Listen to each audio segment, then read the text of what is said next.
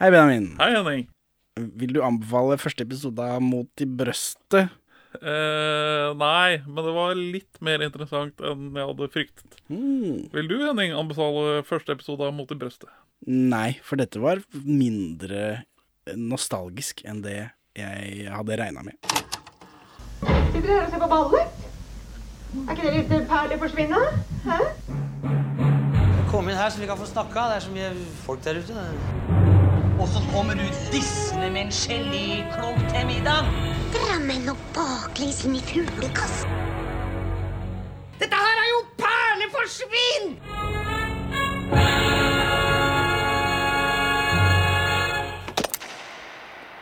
Velkommen til eh, Perleforsvinn. Podkasten for deg som ikke voldtar stygge damer. ja, stemmer. vil i fred Hilda Feste.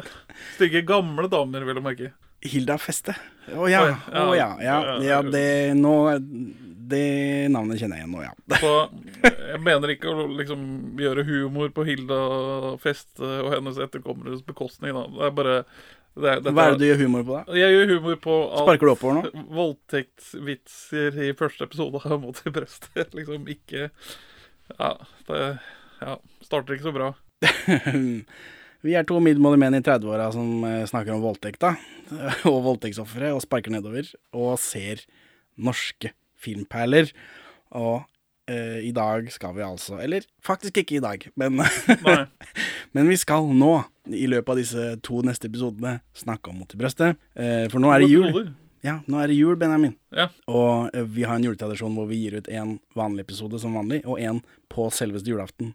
Gaven til hele det norske folk. Ja, og den uka her så er det vi slipper denne episoden på mandag, og så er den neste Julaften er på søndag, så det blir jo da nesten en hel uke til andre episode av denne. Ja. For dette er også episode 200. Hurra! Hurra! 200 episoder, Hurra! Jippi! Og TV, da. For vi Og måtte jo TV. bite i det sure eplet og snakke om TV. Ehm, så i den anledningen da, så tenkte jeg skulle gjøre noen sånne store, flotte greier. Nå har vi brukt hele året på å bygge opp mot, eh, mot i brøstet. Så da syns jeg det burde, at det bør gjøres med brask og bram og to episoder. Og i denne episoden så det, blir det strengt tatt bare et langt eh, foredrag av meg, og så sier du 'å ja' gjennom hele. Nå er det så nikker jeg òg, sånn at jeg ikke forstyrrer lytteren for mye. ja, men jeg tenkte vi kan jo begynne med Vi har sett to episoder av Familien Kork, for det ble nevnt av en eller annen lytter her. Han har jeg glemt hva han heter på Twitter. Ja. Eh, Så vi kan jo begynne med det, så får folk liksom noe som vi har sett. For det Jeg vet ikke Det er jo en slags sitcom, eller er det sketsj? Absurdisthumor som kanskje Men det spiller på sitcoms. Ja, det spiller på Men er, for det, Sitcom-formatet. For hvilket år er Familien Kork? 87.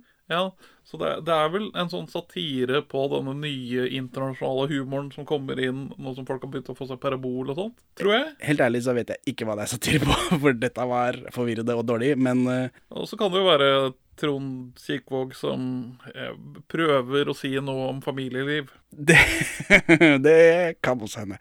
Men, eh, men vi kan jo snakke om det først, før vi går inn i dette mot i brøstet og det, det TV 2-greiene.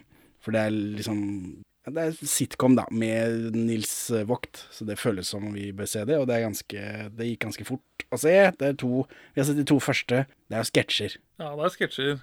For dette er En pause i lørdagen, eller hva? lørdagen, ja. Det er eh, Børge Akerø, jeg forstår ikke at han har den selvtilliten som han har. Men igjen, Dan Børge Akerø er aktuell for det vi skal snakke om senere, da. For han er med i start, oppstarten av TV 2 også. Ja. Ja. For dette er lørdagen, som eh, er oppfølgeren til dette fredagsprogrammet han hadde før dette. Men, men dette er lørdag det er, Fredag? Eh, nei, dessverre.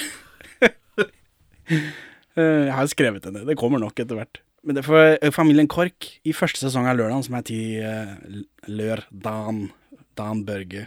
Eh, det er ikke lørdag, men Nei. lørdagen. Lørdagen. I de ti første episodene så er Familien Kork er gjennomgående sketsjer. Altså, de er med i hver episode. Og så er det Trond Kirkevåg som står for de, sammen med Terje Nordby, som er sånn tramteaterforfatter, men nå seriøs dramatiker. Ja. Og Bjørn Sand. Stuttum. ja. Fortsatt i live på innspillingstidspunkt, så vidt jeg vet. Fred være hans minne. Eh, De skriver eh, alle sketsjene i Lørdagen, for det er støtt og stadig i Lørdagen er vel lagt opp til at det skal være live. Det er eh, Dan Børge som har live 90 minutters underholdning på midt i beste sendetid på NRK i 1987. Store, store studio. Og disse sketsjene brukes da så han skal omrokere eller puste litt, eller hva det er for noe. Og det er masse forskjellig, stort sett dumme Trond Kirkevåg-sketsjer. Han kommer utkledd som en kvinne som skal vaske opp. Det her, dette lørdagen er også der hvor Trond-Viggo Torgersens Vaktmesteren dukker opp, ja. Ja. Er, men da, må, da er jo Dan Børge der. Han får ikke slappe av, liksom. Nei. For er, de klipper jo bort til disse sketsjene. Men det er masse forskjellige sketsjer. Men Familien Kork er med i alle episodene. Så de er liksom de eneste gjennomgående. Det var det som var poenget mitt. For lørdagen var jo et sånt underholdningsprogram for hele familien, da. 90 minutter. Eh, og en slags oppfølger til dette Senfredag-programmet han hadde. Senfredag. Yes, Men nå har han jo forfremmet seg til lørdagskvelden, da. Selve rosinen i den norske underholdningspølsa. Ja, I hvert fall når det bare var NRK, da. Ja. Hva annet gjør man på lørdagen, liksom? Snakke med familien og sånn. Men nå har vel fredagskvelden i dagens TV, ikke at jeg ser på det, så har vel fredagskvelden høyere status enn lørdag? Ja, det tror jeg, for da har du den gullrekka hvor folk gidder å se på. Ja. Men hva de gjør på lørdag, det vet jeg ikke. Nei, ikke heller. Det har liksom ikke samme brandingen. Men, eh, men ja. Eh, Lørdagen, det er jo der vaktmesteren dukker opp, som sagt, for første gang. Så det er et sånn type program, da. Det blir eh, Det har en liten sånn gjenopplivning i en kort periode i 2003, og da er det Alireza som er den karakteren som er liksom vaktmesteren. Som kommer inn og avbryter. Uff. Uff. Uff. Det høres forferdelig ut. ja, men folk likte det, antar jeg. Eller det var jo ikke noe annet. Jeg tror folk var sånn, jeg, i gamle dager. Hva, du og jeg er sånn feinschmecker podcaster-folk, ikke sant? Jeg tror ikke vi vi er mann i gata. kulturelite, Ja. eh, hipstere. Jeg tror ikke vi er campingvogn, eh, pølsegriller på sommeren, eh, stemme Frp. Jeg tror ikke vi er grasrota. Nei, men vi kommer fra sånne familier, gjør vi ikke det? Ikke campingvogn, det er båtfolk, da. Ja, båt, båtfolk det går for det samme. Båtfolk er sjøgående campingfolk. Ja. Det, Unnskyld meg, men sånn er det bare. Ja, ja. Jeg hadde campingbesteforeldre, men har ikke drevet med camping sjøl. Så, Det er andregenerasjons bryte fra campingens lenker. ja. Premieren på lørdagen, for dette er første sesong, er 1987, eh, ble sett av 2,1 millioner nordmenn. Oi. Shit. Det er, det er, det er dans pull, hvis det er lov å si. Og noen program kan kunne ha opptil 2,5 millioner seere. Ok, Men hva er det som Hvilke da? Eh, nei, det, det, det har ikke jeg giddet å sjekke. Nei, altså noen lørdagens Å ja, ok. Ja, skjønner, skjønner. Jeg trodde det var ja, Ikke noen nei, tilfeldige NRK-programmer kan sikkert ha 100 000 seere. Jeg vet ikke, jeg kan bare finne på tall, da. Ja. Noen programmer kunne ha opptil 2,5 millioner seere. Um, og programmet er derfor det mest sette i 1987, så nå har vi jo sett Når vi ser Familien Kork, dette var det 2,1 millioner folk som satt og så på live, kosa seg. Spiste potetgull, spiste sånn pottifar, antar jeg, og Nonstop. Blanda det sammen. Igjen. Er det potetgull fra gamle der? Jeg vet ikke. Jeg er ikke sikker. Jeg tror det også ble gjenoppliva her eh, en periode hvor jeg kunne spise det, men det, det husker jeg ikke. Eh, Nils Vogt er med i flere av disse løsrevne sketsjene også. Eh, men så er det disse Familien Kork-greiene er liksom gjengangere. De tas opp også i avisa, som liksom i hele sommer skal vi stifte bekjentskap med Familien Kork. Den litt rare Familien Kork. Uh, Lågendalsposten 22.12.1987 er ikke imponert av Familien Kork. og mener at de er plumpe og snarest bør strykes fra plakaten. Jaggu. Ja, så, så det, er ikke, det er flere sånne kulturfeinschmeckere der ute. Reklameres det for NRK-programmer på plakater i gamle dager? Nei, men ta seg av plakaten, da. Herregud. er Ikke ikke vær dummere enn du må være Uh, ja, men altså for, ja, jeg, jeg føler jeg mangler en kontekst for å forstå familien Kork. For du har sett dette bare på YouTube, antar jeg? Ja, for der ligger de løse, for du, gud forby at du skal gjøre noe arbeid. Mens jeg har jo sett dette i kontekst. Du, så, Ikke du så hele lørdagen. Nei, men jeg har snusa på det. Jeg har forstått hva dette er, og sagt nei takk. og fått med meg konteksten, da. Som er interessant, syns jeg. Dette det lørdagen-greiene. Der er det de har musikalske gjester, og så er det intervju med nevnte musikalske gjester, og så er det sånn, litt sånn panelprat, og det er sånn Kjendis. kjendisopplegg. Ja, det er litt sånn talkshow-aktig. Ja. Og så er det et Det er jo 90 minutter, da. Så det er et ubegripelig langt strekk som er sånn gameshow-greier. Eh, parkonkurransen, tror jeg de kaller det. Parlek. Ja. Hvor i første episode så er det kjendiser, parkjendiser, som kjenner hverandre godt. Så hvis du og jeg kunne vært med på det, ja. ikke sant? For da er det sånn Ja, hei, og Benjamin Henning, dere er podkastere. Står han med krøllehåret sitt, ikke sant? Med krøllehåken sin. Ja, dere driver med sånn og sånn og sånn. Og så går du ut, eller så får vi en sketsj med Trond Kirkevåg som eh, kaster en vann, bøtte med vann over huet eller noe sånt. Og så, når vi kommer tilbake da, så har du gått ut, og så sitter jeg inne. Og så sier Dan Børge Ja, da må du gjette hva Hva tror du Benjamin vil ha best av gulrot eller salat? Og så må jeg skrive det ned. Ja. Og så gjør vi dette masse ymse da, alle, for det er jo flere par. Og så er det en ny sketsj hvor Nils Vogt er i militæret eller et eller annet idiotgreier. Og så når vi går tilbake da, så får vi svaret da. Da er du sammen med meg igjen, og så skal du gjette hva du tror jeg har skrevet fordi jeg tror at du ville sagt det. Ja. Og inni der så kommer familien Kork. så så eh, halve, halve kjendisparet, eller, og i andre episode så er det bare vanlig random ektepar. For, og da er det litt sånn spicy, da. Liksom, hvordan, hvilke tre programtitler vil beskrive bryllupsnatta? Hæla i taket, kluss, eller et eller annet annet dritt. Men så, fordi da er den ene ute, og så er den sketsjen som kommer så, det er familien Kork, og så etter familien Korken, så er det den andre inne, og så skal de svare. Så dette, det hører du på i YouTube også, for dette er jo, det YouTube-greiene er jo tatt rett fra NRK-arkivet. Dette sendes for kaldt publikum. OK, de får ikke noe sånn 'nå kommer familien Kork'. så- Jo, jo, nå kommer familien Kork, men dette er jo ikke et hypa publikum som har ledd og kosa seg av vitser. Nei. Dette er et publikum som har sittet og hørt på Dan Børge lede quizshow som ikke er sånn supergøy. Nei, det hørtes ikke så veldig Nei, det merka jeg meg da jeg så dette. bare, what? Det er jo ikke noe latter her. Og det er deilig, da, at de er, publikum er enig med meg. At det ikke er noe gøy. At det var ikke han der fra Finn tannbørsten driver og hyper opp. Ja, for eksempel. Men motsetning, i motsetning til Mot i brøstet, hvor de har en hypeman sånn til å begynne med. Jeg antar Du har jo vært på innspilling av Holmes, men jeg antar at eh, de, han også står på sida der og eh, vinker og ordner og styrer når det er på tide å le. Sånn var det iallfall da jeg var på Ja, han, eh, Beat for beat, eller? Han som hadde det der fine tannbørsten-programmet, han var ekstremt på at vi skulle le. Han dukker opp eh, senere i notatene mine. Han kommer det? i en av disse episodene. Men ja, så dette sendes for kaldt publikum, og det syns jeg var veldig interessant. Men ja, det, det, det er jo absurdisthumor, er det ikke det? I hvert fall den første prøver seg vel på det, mens den andre er jo en kransekakevits av et eller annet slag. Ja, mulig- Bare pakka inn med masse dritt. Mulig jeg sona ut av den. Ja, men Vi kan jo begynne med dette greiene, nå som vi vet åssen det går. Første program, Familien Kork. Vignetten gir inntrykk at det er noe sånn spøkelsesgreier. Det var første runde. Vi skal ha den andre partneren ut, og i mellomtiden skal vi kose oss med den vanvittige familien Kork.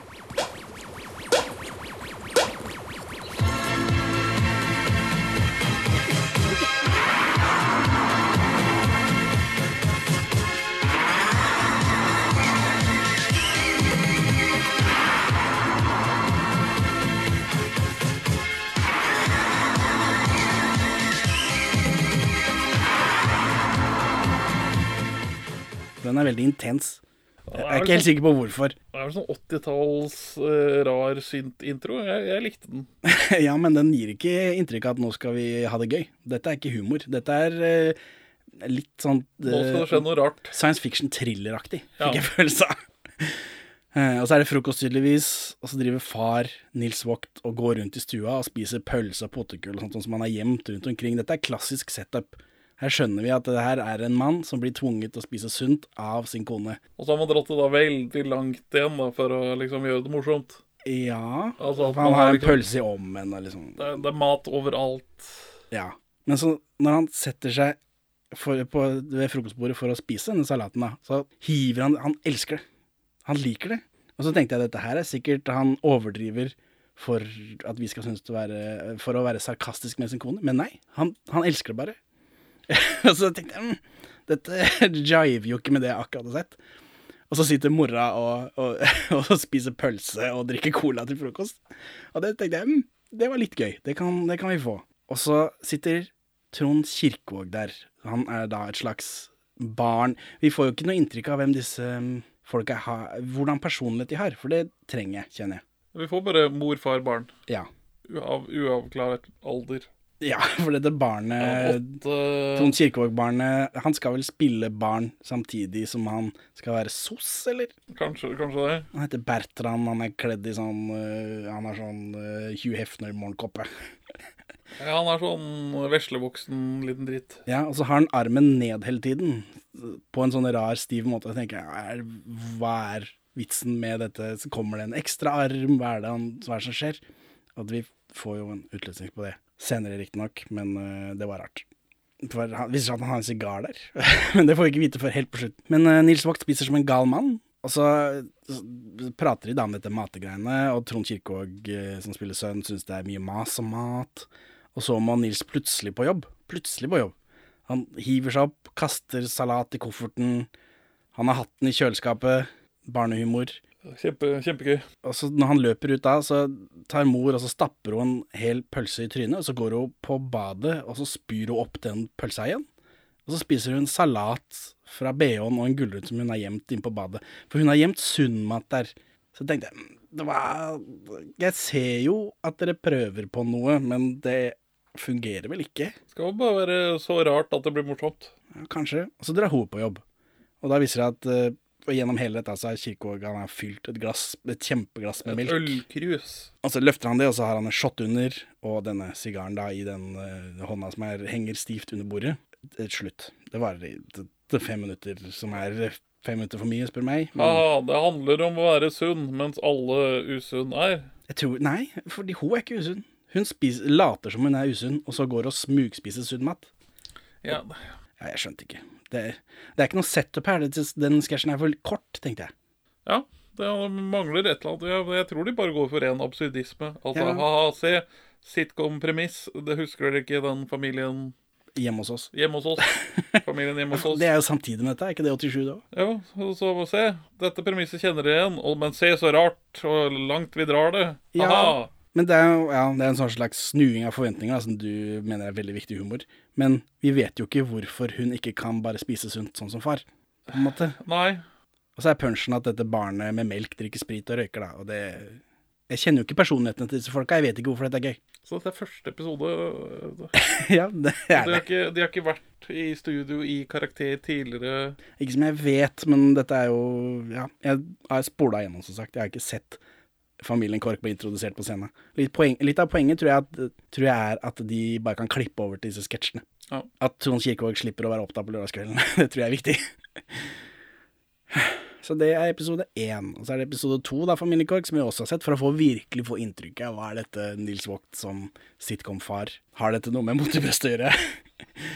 Og her er det mor som rydder ting i flyttekasser, før hun slett, setter seg sliten i en stol. Og så kommer Trond Kirkevåg inn med trekkspill som bare dingler, og så går han igjen. Stakkars mor, du er sliten av å flytte, eller noe sånt. Da. Nils Vogt kommer inn med en stol over hodet som han vil ha med seg. De skal visst et eller annet sted, da. Altså, ute så pakker de en bitte liten bil full av dritt. Stol på toppen. Mor skal ha med en plante. Det er jo en slags barnehumor, dette.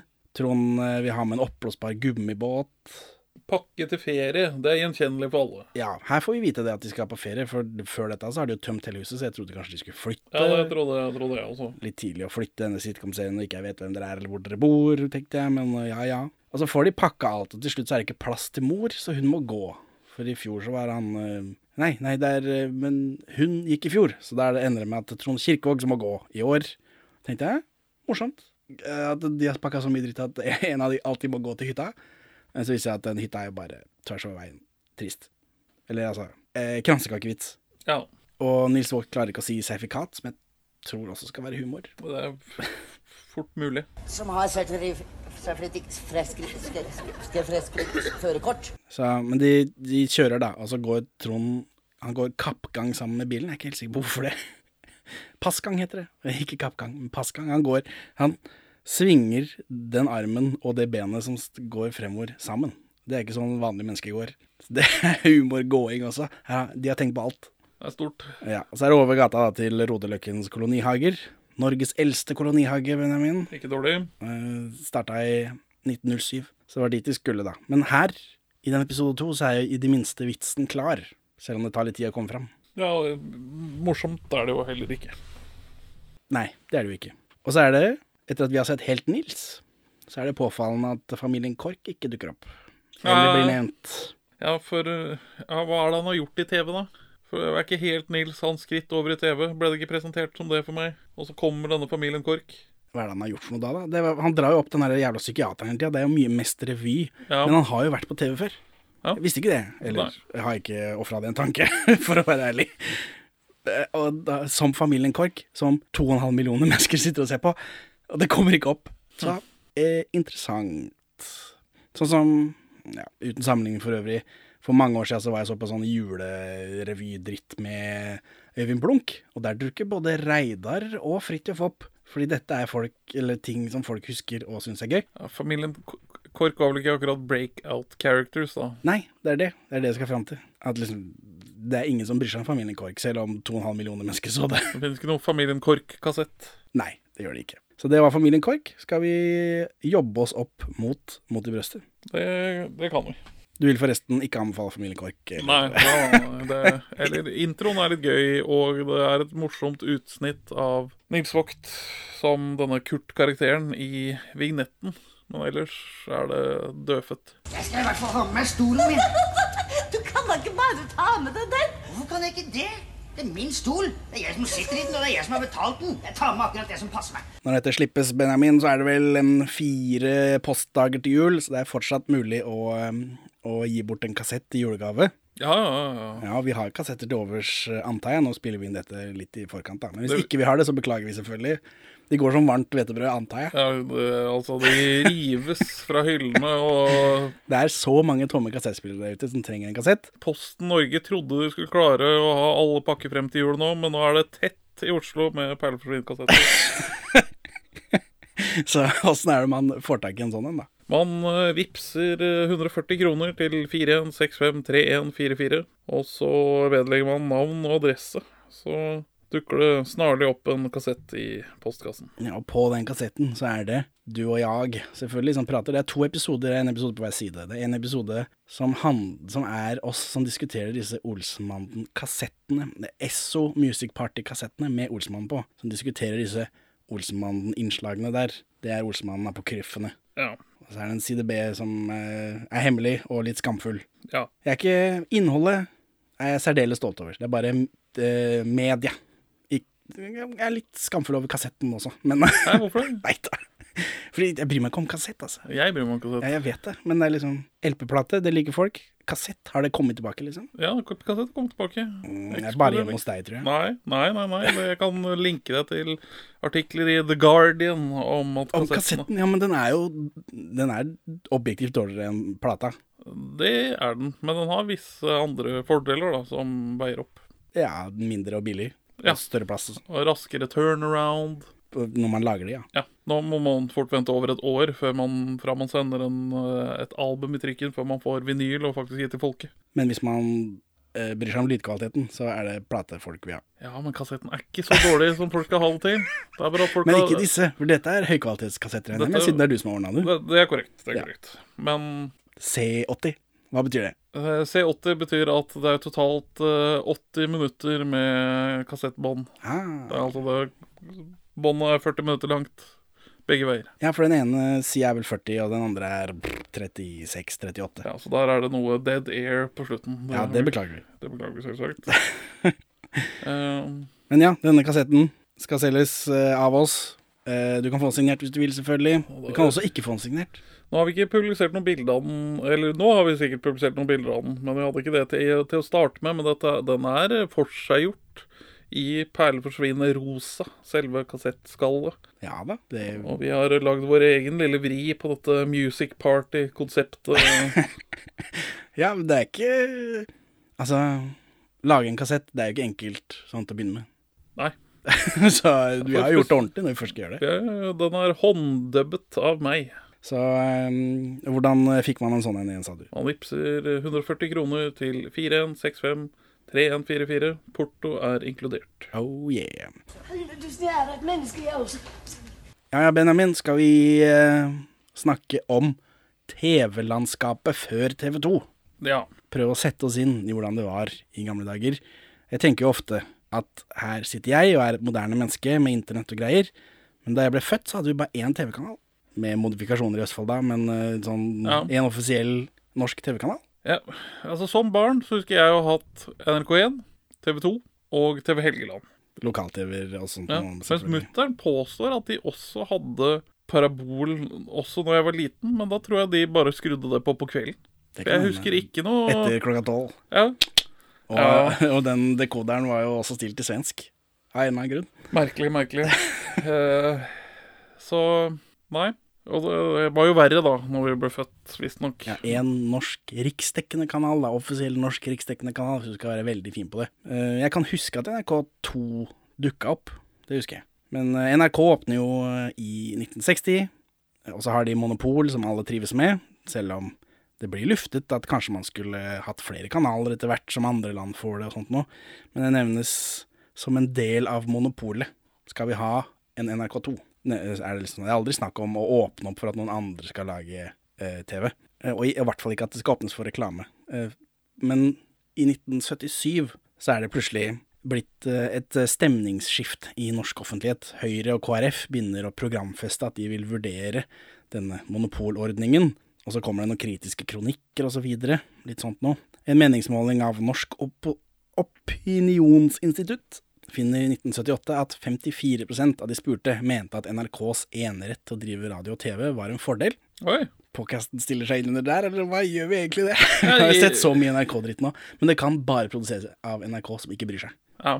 Og det, det er jo litt fint samtidig Ja, men vi kommer jo vi kommer jo Altså- til det, men NRK, eh, TV2s output, er det noe bedre enn NRKs output? Nei, det er jo ikke det. Og, og i hvert fall i dette overflodslandskapet av underholdning som vi lever i, det er jo et helvete. Det er for mye, mener du? Det er for mye. Ja. Det er, vi, vi er ikke laget for dette. Du skulle holdt med ett program, perleforsvinn. Ja. Um, 39% mente at det var en ulempe, da. Eh, og samtidig så er det 56% som mener at radio- og TV-programmer ville bli bedre om monopolet ble opphevet. Så kan vi jo diskutere, da, nå som monopolet er opphevet, om det, om det var riktig eller ikke. Og så er det 31% som er imot det, som mener det motsatte. Og nå som vi har sett første episode av Mot i brøstet, ble programmene bedre, Benjamin?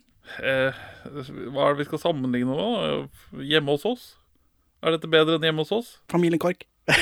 Det, Men det er dette mangfoldet, da. Det er, ja, det, det øker jo mangfoldet litt, da.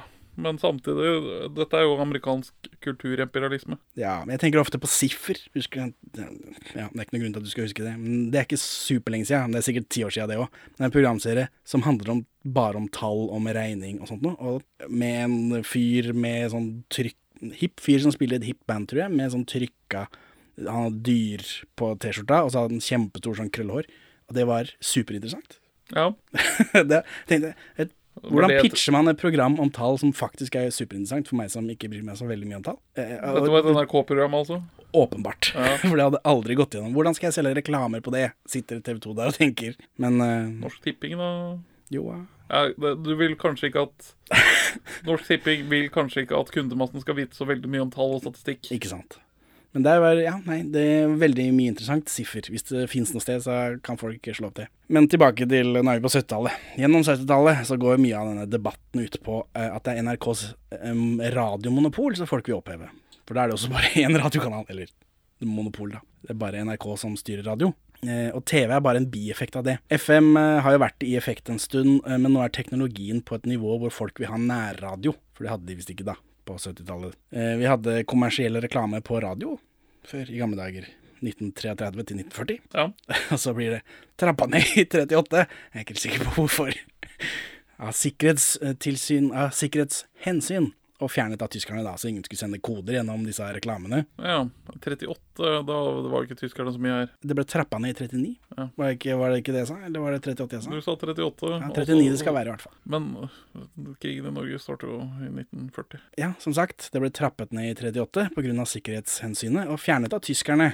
Ikke nødvendigvis i 38, Skjønner, men skjønner. sikkert i 40, da. Eh, og da det ble snakk om at Norge kanskje burde ha et eget fjernsyn på 50-tallet, så var reklame inkludert i forslaget veldig lenge. Hm. Å bare opprette TV for et helt land er dyrt, og de fikk ikke bruke radiolisensen, for det var jo lisens på radio. De Fikk ikke ta de pengene, liksom, til å bygge TV. Og dette det høres ut som de ser for seg at reklame skal fungere sånn som kinoreklame gjorde. Eller gjør sikkert nå også, da. At du har liksom reklame, vær så god, store, fine reklamer som folk betaler for. Foran kinofilm, vær så god, nå er det film. Nå er det ikke mer reklame for i dag. Men i siste øyeblikk så blir eh, dette med reklame fjerna fra forslaget, som til sist eh, gikk gjennom i Stortinget, med anmodning om å se på det senere. Ja. kanskje det blir noe reklame senere, kanskje. Og dette kommer opp i 1968, da. Dette senere er i 1968, og da er det bare Høyre som er for. Jøss. Veldig overrasket der. Og så er gøyal sidesprang, som om ikke dette, denne episoden blir lang nok. Gjennom hele denne ventetiden, selve innstillingen til TV ble sendt i 1957 eller noe, så er private aktører i noe som heter Kontaktgruppen aktive for å pushe politikere til å tillate reklame på TV, eller iallfall ta det opp, da. De ender jo bare med å dytte det foran seg. Og i 1965, eh, nærmere bestemt 6. oktober, så skjer det noe eh, morsomt. Etter sendingene den dagen, for da er det jo TV, og det gikk ikke døgnet rundt, som, som det gjør nå, så får plutselig folk eh, tilknyttet fellesantenneanleggene øst i Oslo, Bøler og sånt noe, et nytt program. Farverådet. Man hadde sånn fellesantenner i blokker og sånt noe i gamle der. Ja. Jeg tror vi ser det i Operasjon Popkorn 1 Ja. at der får han med et uhell kobla seg på fellesantenneanlegget i blokka si. Som er episode 26B i arkivet, da. Uh, uansett, altså, i Farverådet så ønsker de velkommen på vegne av maling- og lakkprodusenter til et ukentlig underholdningsprogram med musikk, sketsjer, gjettekonkurranser og forbruker- og bransjeråd. ja. Og mannen bak dette, Alf Bjerke, var medlem av denne kontaktgruppen, da, som er disse private aktørene som driver og pusher. Eh, Men det vites ikke om han hadde kontraktgruppen i ryggen når han gjorde dette, men selvfølgelig hadde han det. Men vi vet ikke det, da. Så dette er pirat-TV. Ja. På vegne av ja, Farverådet. På vegne av, eh, av lakkprodusenter. Jaggu. De provoserer da for å få fram en diskusjon om dette reklamegreiene. For nå, er det, nå står det stille, vi må gjøre et eller annet. Vi må hvelve eplekassa. Farverådet er starten på kabel-TV, da fellesantennene strengt tatt er kabler. Strengt tatt. Så, så sånn er det. Fordi Farverådet bryter med NRKs enerett, så vil jo NRK ha det bort. Men Televerket, som jeg antar eier kablene, som er noe annet enn Eller i hvert fall har myndighet over det. Jeg er usikker på om NRKs enerett gjelder utenfor radiobølgesendingen også. Oi, oi, oi. Mm, saken går via et utvalg og noe greier, da, og et halvt år etterpå så blir eneretten stadfestet til å gjelde kabel også. Ja. Så da blir det borte, da. Så Farve-TV kommer til Norge i hvilket år, Benjamin? 69. 72. Sist i Norden. I, i Norge. Jeg så Einar Førde var veldig anti. Nei, han, det er sagt sarkastisk. Oh, ja. Han er pro. ja. Han er pro, OK. Dette sitatet som jeg ikke har i huet akkurat nå. Har Ja, du- synden Synden er kommet til Norge, men vi ikke ha den i farger eller noe sånt nå. OK, nå, nå hører jeg tonen. Nå hører jeg tonen. Ja, det er sagt Synden er kommet med rødskade Men jeg vil ikke ha den i farger. Eller noe sånt. Sverige fikk SVT2 i 1969, etter syv år med debatt. Eh, Skandinavia! Jo, jo, men vi fikk jo ikke Altså, Jeg husker jo NRK2 kom, så det må ha vært på 90-tallet. Men Sverige får ikke reklame-TV før i 1991, da. Med TV4. TV4. Akkurat der så er vi like, da. Eh, Bare sånn for å plassere norsk byråkrati i sin samtid der, og med sine venner. I 1980 så blir det lovfestet at NRK ikke skal finansieres med reklame. Så bra. Før, før det så har det bare vært diskutert, antar jeg, ikke lovfestet. Og i 1980 så kan allerede 25% av Norge få inn de to svenske kanalene, altså SVT1 og 2. Jeg bodde såpass langt nord som barn at jeg ikke har dette forholdet til eh, svensk barne-TV som alle andre har. Ja, eller eh, Bolibompa og de greiene der. Ja, det er utenfor min referanseramme, og jeg syns ikke det er koselig med svensk Disney-dags, som jeg nå er Stor fan av Disney-dags. Det husker jeg at det var liksom stas. Her var det ordentlig Disney, liksom. Og så tror jeg ikke det er ordentlig Disney heller, det er jo bare disse dumme TV-seriene. I min oppvekst, da. Jeg vet ikke om det var annerledes før. Men svensk, eh, svensk julaften, svensk eh, Donald på, Donald på svensk TV, det var liksom viktig i familien, om ikke det er så fryktelig viktig for meg. For det har jo disse gamlingene vokst opp med òg. Ja. Mine foreldre. Carl Bertis jul og Jeg har, blitt pusha på av øh, både øh, østlandske øh, bekjentskaper og nåværende svensk samboerske. Men det, nei, det gjør ikke noe spesielt for meg. Men det er jo, ja.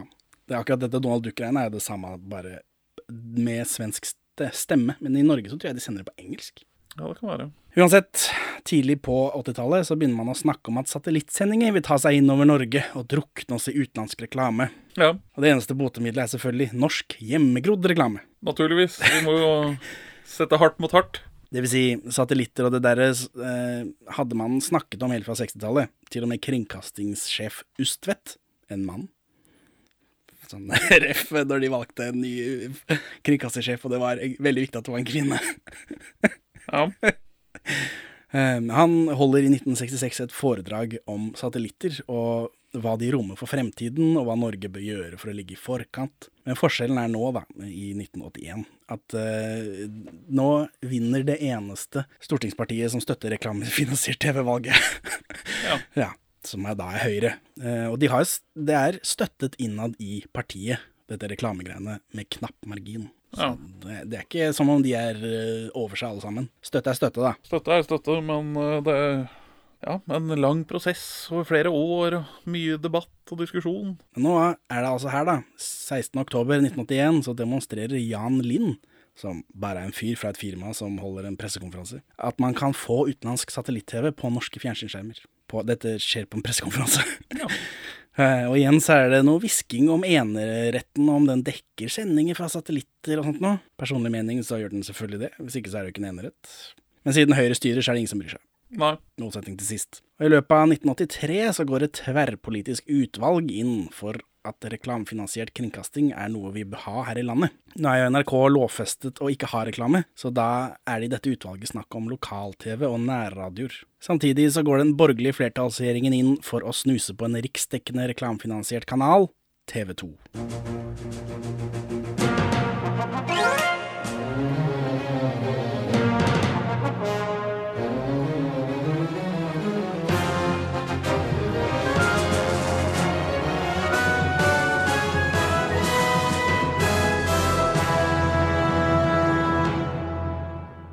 Mine referanser i dag er forresten spillet om TV 2 og en annen bok som heter Se hva som skjedde.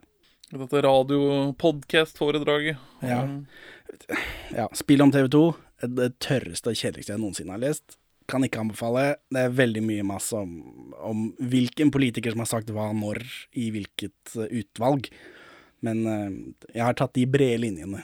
Så bra. Se hva som skjedde er mer skrevet som noe folk vil lese.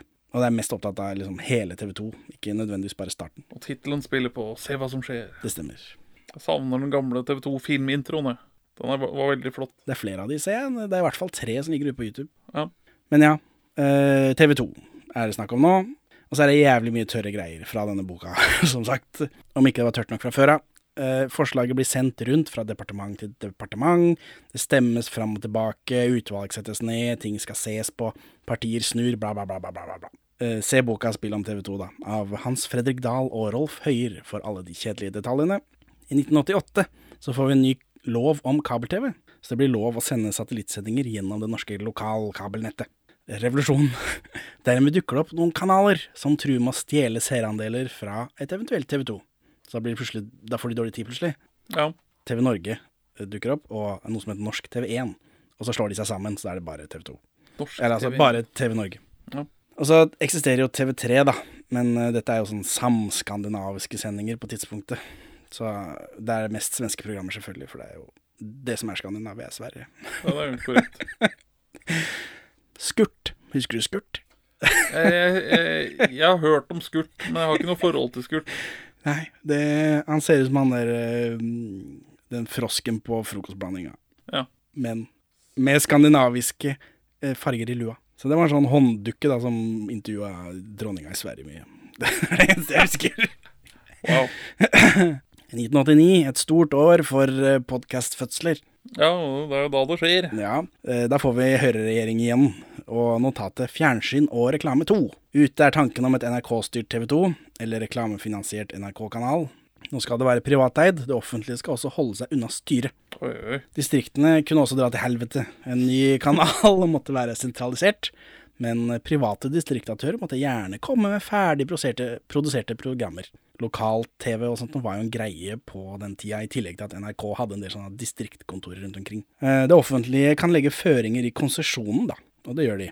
eh, som dette mm, med allmennkringkasterprinsippet, som, som TV 2 fortsatt eh, sliter med. fortsatt ja, har. Jeg tror det, ja. Hva innebærer det, da? Allmennkringkasterprinsippet? Man må vel Man kan ikke bare sende sukker, man må også sende grønnsaker. Ja. Kanalen må sende programmer av interesse for så vel brede som smale seergrupper. Og I boka Spill om TV 2 da, så sier de at smale grupper egentlig betyr minoriteter, i praksis samer, i Norge. På denne tiden, da. Dette er jo 89 Ja. ja. Og det høres rart ut for meg, men, men jeg vet ikke hvor mye samiske programmer er det det går på TV 2. Det ringer ingen bjelle. Nei. Og, men det beste, det beste det, det jeg savner mest av alt ved å ha lineær-TV hjemme, er disse reklamefrie dagene i høytidene. Hvor det sendes så mye dårlig produserte reklamer for uh, uh, veldig triste interesseforeninger. ja. Det, det er, vel, er vel også pga. denne allmennkringkaster... det skal jeg tro. En, all, en allmennkringkaster plikter også å stimulere og formidle norske kulturytringer i vid forstand. Og I praksis så betyr dette en målsetning om 50% norske programmer. Så er det et sitat rett ut av boka om eh, Rett ut av boka, spill om TV 2, eh, fordi det føles ut som det har noe med mot i brøstet å gjøre. Dette sitatet, da. En kraftig nasjonal retorikk la seg nå over den siste delen av prosessen. Proposisjonens vei gjennom komiteen frem til vedtak i Odelstinget. Hovedbegrunnelsen for å opprette TV 2 var ikke lenger tidsnød som følge av lekkasje av reklamepenger, men behov for å reise et nasjonalt forsvar. Nasjonalt forsvar i sånn um, gåsetegn. Altså sitat. Sitat i sitatet. Og enda sitat. Ei motvekt mot den stadig økende straumen av utenlandske kommersielle program. Samtlige partier i komiteen stilte seg i praksis bak den nye kanalen, hvis hovedmålsetning ble definert som å reise eit norsk alternativ og ei motvekt til den stadig økende straumen av utenlandske masseprodusert underholdning. Underholdning. TV 2 skulle i stedet formidle det kulturelle mangfoldet i landet vårt. Og så er det sånn parentes for prikker og sånt nå, at det er litt mellomrom i sitatet. Ta vare på og styrke lokale og nasjonale kulturverdier. Slutt. Hvordan syns du TV 2 har klart det, Benjamin? Jeg vet ikke. Jeg vet ikke. Jeg har ikke noe klart og entydig svar på det. Har de formidlet det kulturelle mangfoldet i landet vårt og tatt vare på å styrke det lokale og nasjonale, de lokale og nasjonale kulturverdiene? Jeg vet ikke. Tviler, kjenner. Jeg- Men jeg vet ikke. Nei, nei, jeg vet ikke. De, Må måle det. Dette er jo før TV 2 kommer. Og så, når TV 2 kommer, så eh, er jo dette en eh, slags Det blir en slags kommersiell gigant som bare turer på og driter i det meste. Og liksom lurer seg unna alt mulig rart. Så jeg, ja, jeg kan tenke meg at de ikke bryr seg så mye. De har vel fått litt påpakning her og der, men jeg har sett i avisen i ny og ne. Ja, Det kan hende, det har ikke jeg nå i det siste. I ny og ne opp igjennom. For de har en vi, Dette er jo det vi skal snakke om i dag, men de får jo denne konsesjonen som har masse føringer, og så bare albuer bort alle disse føringene etter hvert som de liksom fortsetter fremover. Men eh, vi kommer til det. Så, 22. oktober 1990, etter seks timer debatt i Gåsetegn, hvor alle partier er enige, så stort sett så er det snakk om de overfornevnte punktene, da, om eh, kulturverdier og alt dette, minoriteter og sånt noe. Så blir forslaget vedtatt. TV 2 skal det bli. Privateid og reklamefinansiert. Maks 10% av sendetiden kan være reklame, og maks 20-30 minutter reklame daglig. Med muligheten for mer da ved utvidet sendetider. TV3 hevder forresten å ha 1,4 millioner seere i 1990, selv om det bare er ca. 570 000 husstander som hadde rent teknisk mulighet til å ta inn kanalen via parabol eller kabel. Og Televerket anslo ca. 20% færre kabel- slash paraboltilknyttede husstander enn det igjen. Så altså, de hevder å ha 1,4 millioner norske seere i 1990. Så TV 2 lever på seg litt. Nei, TV3 lyver på seg litt. Ja. TV3 omsettes jo også via denne Viasat-satellitten. Ja. Og senere dette Viasat-selskapet, som sender fra London. Sånn TV3 juridisk sender juridisk sett fra London, ja. Så de slipper disse reklamefrie dagene. Ja. Og de er heller ikke allmennkringkastere, da, siden det bare er en kanal i London. Så er søknadene For nå, det, nå er det altså bestemt at TV 2 skal lages. Men så er spørsmålet hvem som skal gjøre det. Det kommer inn fem konsesjonssøknader innen fristen, som er 30. april 1991, hvorav én blir trukket. Og I tillegg så ble en søknad fra Einar Førdes NRK holdt tilbake politisk. Å ja. De søkte om TV 2-konsesjonen. NRK søkte om å bli TV 2, men eh, dette har de krangla om i 20 år, så da ble det liksom Da måtte de holde Førde litt i ørene, og søknaden ble aldri vurdert. Så et eget kommers-NRK av NRK Aktiv. ja. NRK TV 2, liksom. Den som ble trukket, forresten, er fra Radio Værøy, som eh, er med noe som er kalt TV-forum, som er en slags kanal som drev med universitetsundervisning fra et studio på Blindern. Høres litt ut som en podcast om norsk film og TV, eh, som de skulle søkt om å starte TV 2. Ja. Lov å prøve seg. Lov å prøve seg. En søker var Norgesnett AS, med en samling norske lokal-TV-stasjoner. Denne søknaden står det lite om i boka Spill om TV 2, men den tilbyr 350 000 kroner i startkapital, og ingen lovnader om noe mer. Og det er litt mindre enn de 500 millionene som det eh, sies i konsesjonen at man trenger. Ja, litt, så, litt. så det virker som de har lagt det bort av det, da. og så søker TV Norge om konsesjon. Det vil si Orkla gjør det, for det er de som eier TV Norge på det tidspunktet. Eh, Men de møter motstand fordi TV Norge regnes for å være rølpete lavkultur. Eh, Det høres riktig ut. Blant annet så var kanalens flaggskip og det desidert mest sette programmet for TV Norge, da. Halla Flatlands Casino. Ja. Det var ulovlig mellom november 1990 og mars 1991 pga. den integrerte reklamen. Ja. Det vi i dag kaller produktplassering, da. ja. Casino er jo bare sånn tåpelig lett gameshow hvor de skal gjette opp eller ned. Det er sånn de der på Norsk Tipping. Men ja, det er såpass, ja. jeg mener å huske det, men det er noe kort og noe greier. Så er det en pen dame som snur disse korta. Jeg har bare sett den der Ja. um, Katrine Sørland, tror jeg. I den, eh, de hadde en sånn eh, gjenopplivning her som er det eneste jeg har sett av det. Ja. Eh, Men, men dette, dette gjøres med dyre, flotte premier. Da. Så det er disse premiene som egentlig har hovedrollen i programmet. Drømmen om et bedre liv. Ja, ikke sant. Dyre premier fått av sponsorer ja, i dette programmet. Og dette var jo før man kom unna med en bitte liten P nede i hjørnet noen sekunder. Ja. Som er det man gjør i dag. Så i motsetning til de to andre som vi skal snakke om, så måtte Orkla-søknaden ikke bare planlegge for et fremtidig TV 2 i sin søknad, men de måtte også distansere seg fra sin fortid. Skjønner. Mhm. Så er det en annen gruppe, ledet av Skipstedt, som ikke har noe TV-erfaring, og som virker motvillig som virker å motvillig søke om konsesjon pga. FOMO. De er redd for å Ja. missing out. Ærlig sak, ærlig sak. Mhm. De leier inn en fyr fra London, som igjen leier inn et firma fra Iowa. McKenzie, som jo er et, et kjent firma for folk som leser aviser om amerikanske politikere. De er sånn eh, spørrefirma. Ja. Eh, dette mm, mm, mm, firmaet fra Iowa som kartlegger hva det norske publikum vil ha. Hva tror du det norske publikum vil ha? Dette er jo på 90-tallet, da, men Eh, nakne damer og action. de fant en sterk interesse for nyheter og aktualiteter. Ja. ja, det høres mer ut som besteforeldregenerasjonen, det, når jeg tenker meg om. Mm, Dernest ville vi ha programmer om natur, men vi var mer fan av program om dyr enn program med folk ute i naturen. Så dette er folk som ikke klarer å se for seg noe annet enn NRK. Ja. Blir spurt om hva de vil ha. Ja, hva vil du ha? Nei, jeg vil ha Norge Rundt.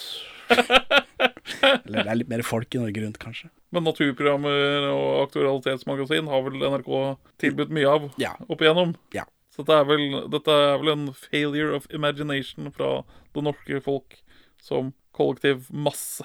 Denne fyren fra London Jeg har bare skrevet han opp som fyren fra London, for jeg visste ikke at han var så viktig. Men han har holdt på Han er med gjennom nesten hele TV 2. Jeg husker ikke navnet hans, beklager. Denne fyren fra London noterer seg at alle som stemmer for forslaget om å søke konsesjon, er redde. Og de søker i frykt for å tape penger, ikke med motivasjon om å tjene penger. Skipsted, i motsetning til Orkla, som jo eier TV Norge, har ingen produkter de vil rekla reklamere for. De vil derimot tape penger når folk kan annonsere på TV 2 i stedet for i avisa. Ja, Så for å bøte på det, da, så vil de bli TV 2 sin egen konkurrent. det er smart. Schibsted eh, drar også inn Eggmont i utenlandsandelen, som er I denne konsesjonen så kan 20% av TV Norge, nei, av TV 2 eies av en eh, utenlandsk aktør. Og det er Eggmont i Schibsteds eh, tilfelle. For observerer denne London-fyren som heter John Rally, jeg kom på det i farta, eh, og deler konsekvensene, ikke for å hjelpe til med å lage TV. Det er vel, det er vel et håp om gevinst, da. Disse konglomeratene gjør jo ingenting. Egmont, ja. Egmont, ja. Men Schibsted drar inn, Egg, drar inn Egmont for å dele konsekvensene, ikke for å få hjelp til å faktisk lage TV. Så Rent økonomisk eh, aktør. Ja, altså Eggmont har jo tak til Eggmont har sikkert en helt annen motivasjon for dette. Det vet ikke jeg noe om. Det tjene penger. Ja. Det, det, er- det, er- det er ikke noe å diskutere. Nei, nei, men dette Schibsted er mer redd for å tape penger enn har lyst til å tjene penger, er Ja. poenget. John Rally, han eh, London-fyren, vil heller ha inn noen eh, amerikanere med TV-erfaring istedenfor Eggmont. Og så er det den siste av disse søknadene, den eh, headlines av Rolf Wesenlund, som har en talentbasert plan for dette TV 2, da. Hæ? Hæ? Nå skjønner jeg ingenting. Hva skjedde nå? Rolf Wesenlund leder en av disse Den siste av søknadene som vi skal snakke om nå, Ja. for det er fem stykken, én trekkes osv., osv., er den headlines av Rolf Wesenlund. OK. Som har en talentbasert plan for hvordan han skal lage TV 2. ok På revyprinsippet, da, eller? han har drevet med TV før, eh, allerede, borte fra NRK.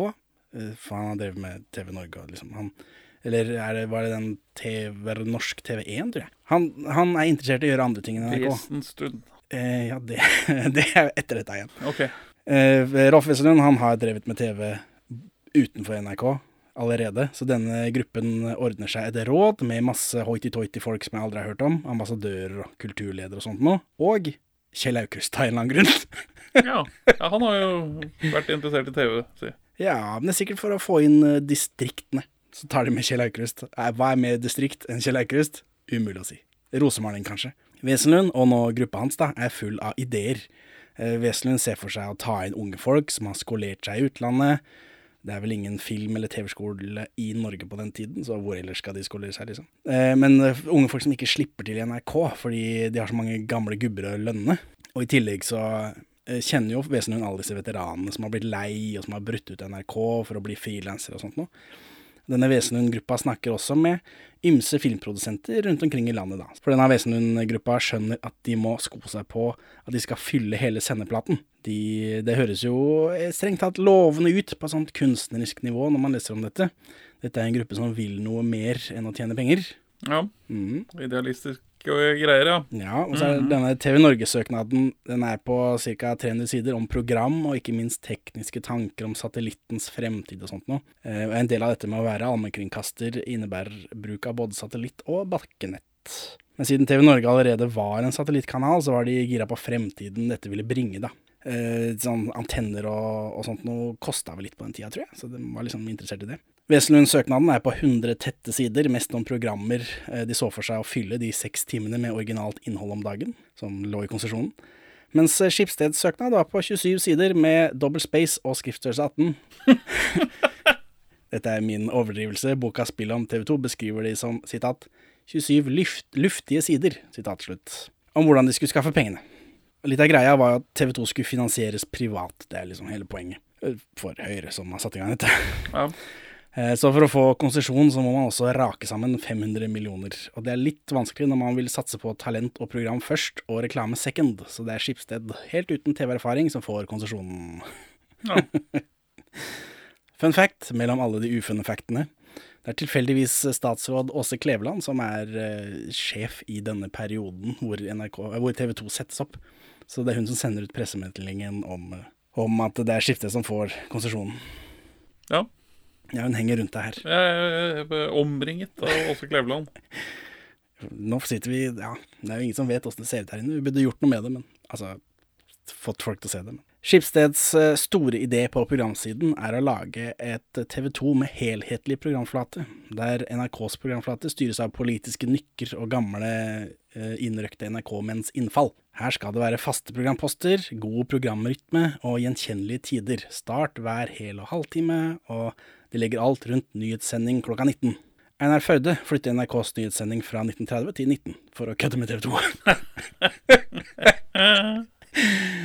Så Skipstedt må gjøre om hele sendeplaten, da, som liksom var det eneste de hadde skrevet opp i disse 27 sidene. Og de legger nyhetene til klokka 21, men siden de også vil komme først, så sender de en kortere nyhetssending halv sju.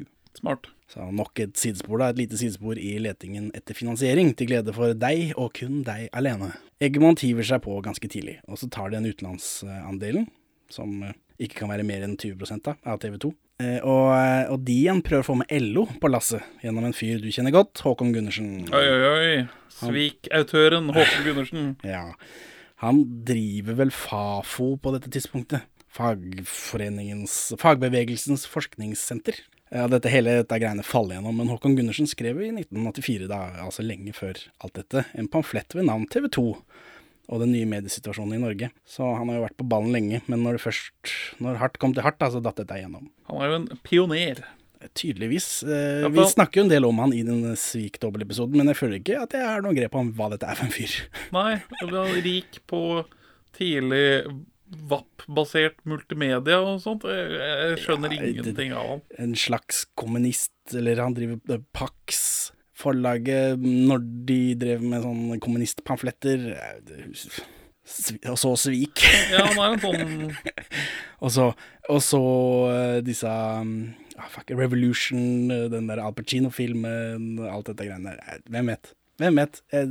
Du må studere han nøyere. Etter at Skipstedt får konsesjonen, så er det en del rykter om politisk gjengivning og noe greier, som var så kjedelig at jeg gidder ikke å gjengi det her. Men vi som lever i Norge i dag, vet jo at alle disse caxene kjenner hverandre uansett, om det er korrupsjon eller ikke.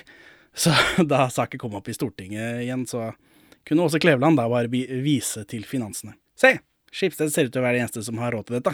Derfor er det de som får konsesjonen. Det henger jo for så vidt på grep. Ja, og det hadde ikke noe å si da om, om alle de kjente hverandre og alt det greiene. Så da er det Skipstedt, avishuset, som får konsesjonen. De skal da bygge TV 2. Skipsted. Skipstedt? Skipsted. Skipstedt. Skipsted. Skipsted. Skipsted. Hva enn det heter. Send inn. Neste, Jeg får sikkert høre det Ja, ja, av en eller annen runkis på Twitter. Jeg bare Skipsted, hva faen er det Henning dere prater om? Ja, jo, ja, Skipsted, ja. Nå tok jeg det endelig. Ja, for du reagerer på den D-en min er litt hard. Den er litt tett, ja. Crimea River. Skipsted. Skipsted. Skygg... Skibsted. Ja, Skibsted. Ja, men det var da sånn. Bare da. Neste steg i opprettelsen av TV 2 er forhandlinger med Televerket. Hvor mye man kan forhandle når dekningsgraden allerede er bestemt av Stortinget og Televerket har monopol, kan man jo spørre seg. Men uh, forhandlinger blir det. Må prøve seg, si. Det blir vel hvor mye man skal betale per sendt eh, bilde, da. Ja, for du kom med forslag, for du tror ikke at jeg har svaret. Ja, det, det hørtes ut som du ikke visste hva man forhandlet om der. Nei da, men De krangler en del om eh, signalformatet. Eh, Det er tidlig klart at TV 2 skal bruke satellitter, noe Televerket har hatt et anstrengt forhold til, da de har ansett det som en del av sitt monopol lenge før de hadde lovverk til å backe det opp. PAL, altså eh, PAL er det billigste formatet, PAL, Ja. som vi kjenner vi i Norge. Og europeisk standard, så det er ikke noe vits å prøve seg på noe annet. Men Televerket har lagt ned masse penger i MAC-formatet. Oh my god. MAC? MAC? MAC, ja. CMAC er bedre enn DMAC, men TV 2 vil ha D2MAC, siden det er vanlige folks mottakere. eh, Det er det de går på. Ja, det høres også lurt ut. Ja. Til slutt, etter å ha dratt inn EFs nye regler i krangelen, så får TV 2 viljen sin, og de får faktisk et format som folk kan bruke. Og det er jo ikke verst. Smart. Ref. DAB. Masse forkortelser sånt som ikke gir meg noe som helst, men du hadde stor glede av det, ser jeg. Men de, altså, ja, de gjør det jo veldig vanskelig. Men, øh, men de fikk til slutt, da, på grunn av EF, av EU, da, på norsk, eller nå, Nå.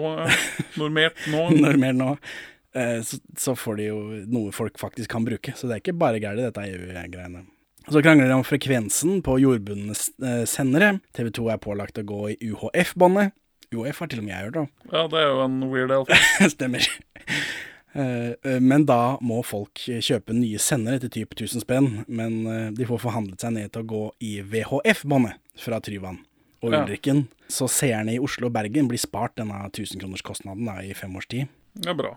For ja, UF har vel aldri vært i noe særlig bruk i Norge til å sende lokal-TV eller TV. Ikke peiling, jeg kjenner det bare fra Waynes World og denne Weird Al-filmen. Og det er lokal-TV i USA. Det er det eneste jeg vet. Ja, det er, det, det er et, en del av radiobølgebåndet, da. Ja. Den største krangelen er riktignok hvem som skal betale for utbygging av sendenettet, og hvem som skal eie senderne. Det er veldig mye fram og tilbake, selvfølgelig. To departementer er med, det er masse politikere som har satset på forskjellige deler av avtalen. Reklameinntekter er jo usikre ting. Ingen har gjort dette før.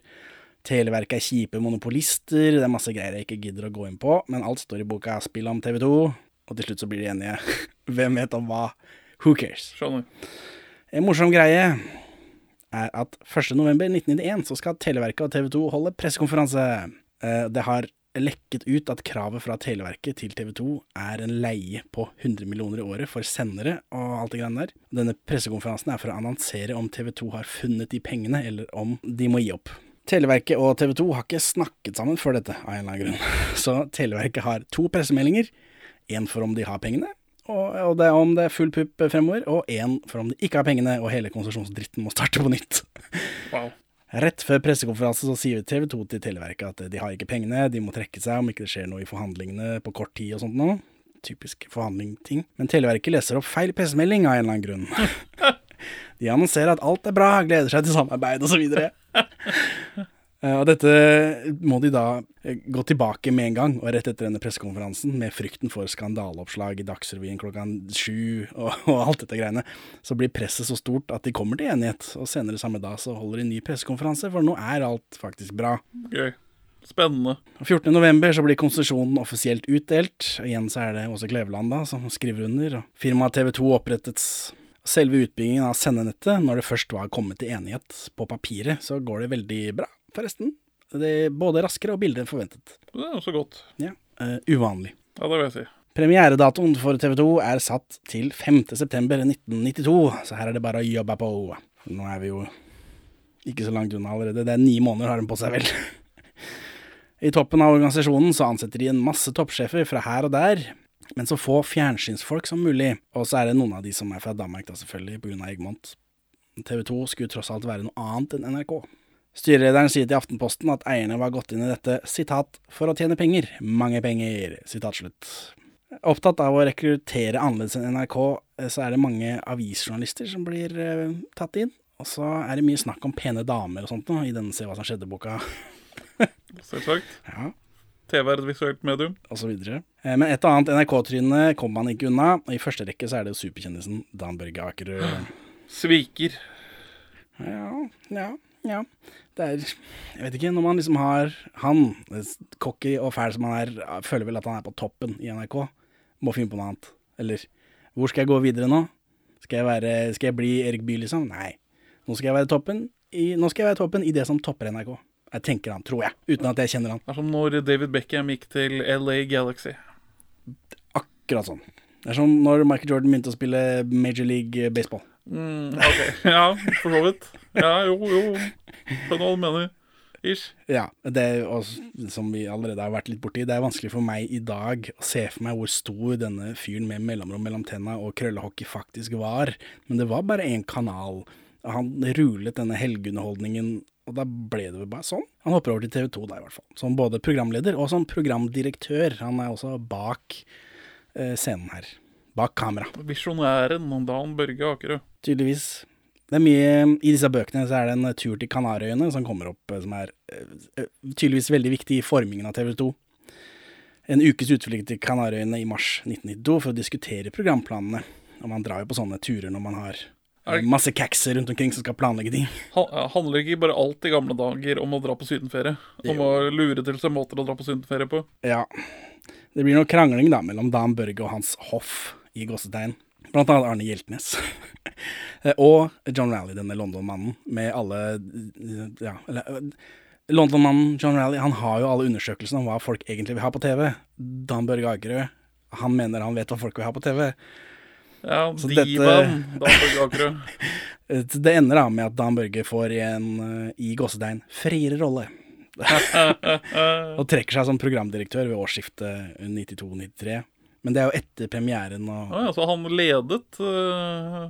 Ja, men hvor mye han ledet fra mars til 92 og utover, er vel eh, Ja, det står i disse bøkene. Jeg har ikke giddet å engasjere meg i akkurat detal- detaljene, men han gir seg ikke før etter, da. Det er litt prestisje, dette. Men etter at han, Dan Børge Dette har ikke jeg skrevet ned, da, men når Dan Børge blir hivet ut, eh, så er, lager han fortsatt programmer. Han starter eget firma og lager programmer for TV 2 da. Han blir sånn frilanserfyr. Så han er jo også tilbake på NRK, men fortsatt som frilanser, ja. Eh, reklamesalget går for fullt, da. Før premieren. Vet du hvor mye det koster å reklamere på TV? Nei. Før TV-kanalen eksisterer, osv., osv. Så sånn kroner per 1000 se- seere. Hvor mange kroner per 1000 seere? 500 kroner 134 kroner. per 1000 seere. Det er visst det samme som i TV Norge og TV3. Så de har jo gjort dette en stund. Men så, og dette er da igjen basert på denne amerikanske modellen hvor man har 100 familier som må logge hva de ser på TV. Ja. Så MMI er, heter de vel, disse som eh, tar disse undersøkelsene. Men ja, man får, alle i familien får hver sin fjernkontroll, og så logges dette. Ja, ok, ja, for jeg, jeg vet i hvert fall i USA så var det lenge basert på ren sånn Ja, det er sånn. Neil, Nielsen Ja, men ja, jeg har vel noe greier om det òg Jeg, jeg, jeg. jeg, er skeptisk til det systemet. Ja, ja, ja. Jeg er sånn, altså Nei, nei du, kan ikke, du kan ikke si at at dette, så, så mange- dette er det de folk vil ha. Hvem, hvem er det du velger ut, da? Er det bare folk du kjenner? For da vil du få et segment av befolkningen som ligner deg, Ja. og de du kjenner. Ikke alle. Statistikk er jo et fag, da, så de har Ja, vel en eller annen måte å prøve å Det er vel som om man velger ut en jury. Jeg tipper de velger ut folk, kjøpesteike folk, Kan være lurt. og driter i de andre. Men i hvert fall. 134 kroner for én reklame per 1000 seere. Men det står ikke noe om hvor mange ganger denne reklamen skulle gå, eller hvor lang en reklame var, men det hadde sikkert noen begrensninger, da. 50% av sendeflaten til TV 2 skulle være norske programmer, står det i konsesjonen da. Og Skipsted-forslaget, som de fleste andre forslagene, hadde planlagt at mye av det skulle produseres rundt omkring i landet. Man hadde jo allerede lokal-TV-er rundt omkring, og litt sånn filmproduksjon her og der, som de så for seg da, at de skulle liksom fikse biffen. De skulle lage noe dritt, og så kjøper vi det, da, for vi må, har så og så mye vi må fylle. Men det, det gjør de ikke. Disse rundt omkring i landet, de fikser ikke den biffen. Av mange grunner. Eh, årevis med reklameforbud, nedtur på slutten av 80-tallet, forbud mot å sende programmer fra satellitt til kabel. Utenlandske programmer, da. Eh, gi folk noe på lokal-TV som kanskje var verdt å se. Forbud mot alt dette. Det hadde tørket ut og krympet disse små produsentene. Så når det ble gjort møter og forslag og sånt, og ble innsendt men midt på sommeren i 1991 så blir det klart at TV 2 må kjøpe inn mer utenifra enn planlagt. Og her igjen treffer de på problemer med at de andre kanalene allerede har en del avtaler gående. Ja. NRK hadde Disney, TV Norge, Universal og Warner, TV3, Colombia. Kartellvirksomheten øh, gjør det vanskelig for for disse nye. 20th Century Fox og BBC er ledige, da. Eh, Det blir eh, Fox som leverer hovedtyngden av utenlandsk, eh, utenlandsinnholdet, siden britene lager serie på typ åtte episoder, og det orker ikke TV 2 å forholde seg til. Men, men Simpsons har jo alltid gått på TV3, ja. Ja, Så hva, hva er det Fox har å by på, da? X-Files, for eksempel. Ja. som jeg husker som en staple i TV 2 i min oppvekst. Du tror det ikke før du får se det, videre. Den stemmen, vet du hvem det er? Nei. Knut Risan. Ja. Mm, han eh, Sjølvesten. Tre nøtter til Askepott-gubben. Kongen i Reisen til julestjernen. Så, siden distriktproduserte norske programmer ikke ble noe av, så gikk TV 2s største investor Egmont og Schibsted Ja, altså Schibsted og dem. Eggmont Egmont bytter navn i 1992, forresten. Fra Gutenberg Hus. Jeg har bare kalt de Egmont hele veien, jeg, for enkelhets skyld. Like så greit. Ja. Eh, De går inn for å lage noe sjæl. Det ordner seg et samarbeid med Nordisk Film AS, og kjøper seg inn i Norsk Filmdistribusjon AS. Og så begynner de å lage studioer nede i Nydalen der. Så nå skal Egmont slash Schibsted altså kjøpe programmer av seg selv. God business. Det er lurt. 14 dager før premieren presenterer TV 2 sitt programskjema. 2470 programtimer i året. 40% norskprodusert, som jo er mindre enn 50. eh, Bygget rundt nyheter og aktualiteter. Og så er det, det er 8760 timer i året, så de skal spe på med spillefilmer og serier og sånt. En kontrovers er at de driter i barne-TV. For de har ikke lov til å reklamere til barn uansett. Ah, Barneombudet Trond-Viggo Torgersen mener at TV 2 vil komme til å angre på at de forsømmer barn og unge i sine programmer. Men det driter de i, for de kan jo ikke selge til barna likevel. Det er det bare TV3 som kan. det er det bare TV3 som kan, og det gjør de faen meg hardt. Så er det litt mer sabotasje for NRK. Vi husker at de flyttet nyhetssendingene for å plage TV 2. NRK nekter TV 2s reportere å stå på deres platting på idrettsstevner. Så stort sett eh, eh, så sier de også nei til å selge arkivmateriale. Det utstyret TV 2 trenger til åpningsshowet, kunne de få leie av NRK for 1,2 millioner. TV 2 ringer til Sverige og får leid det samme for 300 000. Haha. Gøy. Dette er morsomt. Dette er gøy. Dette liker jeg. Ja. Men noe velvillig er det allikevel, da. Når TV 2 har premiereforestillingen i Grieghallen i Bergen 5.9.1992, ledet av Dan Børge Akerud da, så er det første, og jeg antar eneste gangen, et TV 2-program har 100% markedsandel, da dette programmet også gikk på NRK. Hæ? Åpningsshowet til TV 2 gikk på NRK? Yes. Gøy. Wow. Så, så absurd. Men da, det tror jeg er det eneste TV, eneste TV 2-programmet som har 100% markedsandel. Så er, er forskjellen på hva som går, er at på TV 2-sendingen så står det TV 2 oppi hjørnet, og på NRK-sendingen så står det NRK oppi hjørnet? Ja. Ok, interessant. ja. Jeg har ikke sett dette, jeg har ikke klart å funnet det. Ja, for det, det, Det er rart at ikke det er tatt opp noe sted. Eller altså, det er det selvfølgelig, men det er Ja, rart rart at dette- ikke jeg fant det lett. Dette er en av tingene jeg har vurdert som Hennings uh, bursdagsspesial. Ja, fant du det, det, da? Nei, jeg har ikke funnet det ennå. Og det er å finne da et sånt VHS-opptak av åpningen av TV 2. Ja, det er kjemperart at ikke det er lett tilgjengelig et sted. Nei, det, blir jo lett tilgjengelig da, nå som eh, Nasjonalbiblioteket endelig har begynt å digitalisere alle disse VHS- og Betamax-opptakene som ble pliktavlevert av all TV som ble produsert i Norge. Men er det lett tilgjengelig? Er det, Det vil- Eller må jeg opp på Nasjonalbiblioteket? Det vil bli lett tilgjengelig om 10 til 20 år, Ja. slik jeg har forstått. Ring igjen i 2040. Selv om eh, faren hans var helt utrolig ræva på å åpne TV, så får kong Harald lov til å åpne TV 2 allikevel. Hyggelig. Det Det gjøres fra Slottet av en eller annen grunn. Han og Sonja gidder ikke å ta turen til Bergen, hvor dette programmet holdes. henger på grep. Eh, En som tar tur til Bergen, da, er Sputnik, som spiller live. Sånn for å sette standarden for hva TV 2 skal drive med av folkelig underholdning. Budsjettet til åpningsshowet var eh, 800 000. Det kostet 3,2 millioner. En liten sprekk for TV 2 der. Harald og Sonja åpner kanalen fra Jeg skrev Slott i stad, men Skaugum står det. Kongsgården. Så det er det det skal være. De gidder ikke å ta turen til Bergen. Men statsministeren, eh, Gro Harlem Brundtland, er der. Og kulturminister Åse Kleveland igjen. Og sjefen for Egmont, selvfølgelig. Programmet er en eh, salig blanding av høykultur og lavkultur, for å representere dette TV 2-greiene. Sputnik, som sagt. Og så kan vi jo diskutere da, hvor mye høykultur det ble i TV 2 til slutt. Dan Børge Akere leder Feinschmecker-pianisten Kjell Bekkelund spiller opp sammen med Sputnik. så det er ikke bare Sputnik. Siri Lill Mannes rapporterer fra Somalia om sultkatastrofen der. Oi, Ole Edvard Antonsen spiller trompet. hvem er, hvem er det igjen? det er han trompetfyren. Hvis du skal Ja. ha en fyr til å spille trompet, så er det han. Jeg bare, det kan fort være en sånn norsk hopplegende, for alt det jeg vet. Det er sant, som spiller trompet. De har ikke begynt helt med det derre det, den er det samme realitykjøret som vi lever med i dag. Kjøret de lever med, vi lever med i dag. De har ikke begynt helt med det ennå. Det er ikke sånn Ylvis-brødrene skal spille trompet, eller hva det er for noe. For å representere andregenerasjons innvandrere, som det står i boka Se hva som skjedde, så synger 15 år gamle De Pica. Og her må vi ha en Ja. liten De Pica-pause. Husker du De Pica? Eh, nei, men hun, jeg, jeg, jeg oppdaget henne tilfeldig på YouTube igjen her nylig. Altså, som sanger? Ja. Ja. ja, for jeg har, dette, jeg har ingen minner om dette. Men hun er den eneste, antar jeg, nå har jeg ikke sjekka alle, i NRKs åpningsshow som har en Emmy. Hun har en Emmy. ja, i etterkant, da, selvfølgelig. Det er Pika, som du tydeligvis har et forhold til, Jeg, jeg, jeg har hørt litt på nå. som nå går under navnet Deya Khan. Deya, Dia Khan, det er to e-er. D-e-e-y-a-h. Deya Khan. Er oppvokst på Lambertseter og Tåsen, i en pakistansk familie da. Og i 2013 så lager hun dokumentaren Banas, A Love Story, som hun vinner Emmy for. Hun er da kanskje den eneste, ikke bare i åpnings, åpningssendingen, men også i hele denne lange podcast-episoden om folk som driver med TV, som faktisk har vunnet en ekte pris. Den gjeveste TV-prisen. Ja. Eller? Ja, jeg tror det. Eh, Så det er altså da en Emmy-vinner på åpningen av TV 2, selv om eh, kongen ikke gadd å komme. Banas A Love Story handler om, en brit om et britisk æresdrap, forresten. Men, Ja. eh, men hvorfor beskjeftiger en norsk pop-yndling seg med britiske æresdrap? Æresdrap har vi hjemme òg, har vi ikke det? Jo, for så vidt, men eh, norsk Wikipedia sier at hun i 1995 flyttet til London etter vedvarende hets fra konservative muslimer.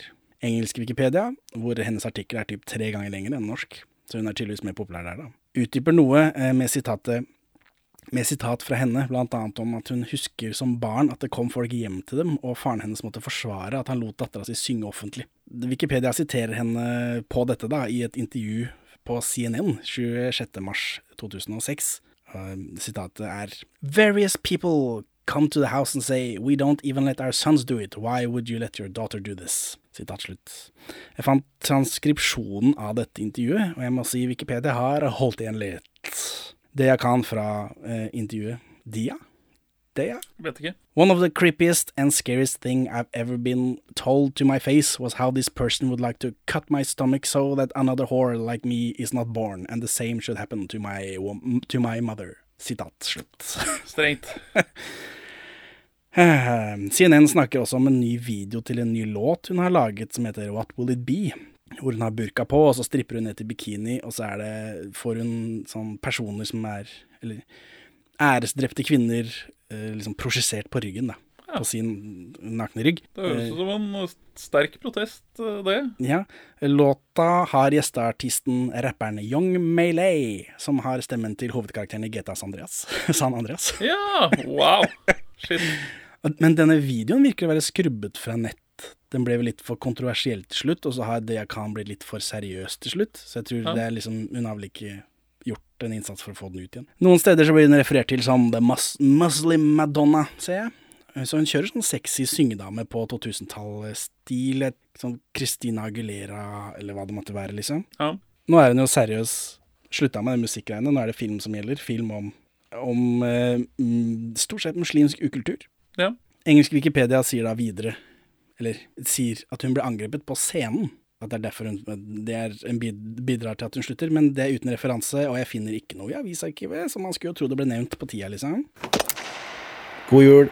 Henning inne med en rettelse her. Her sier jeg slutter, men jeg mener selvfølgelig flytter. Det skal sies at på midten av 90-tallet så sier hun litt andre ting om hvorfor hun flytter.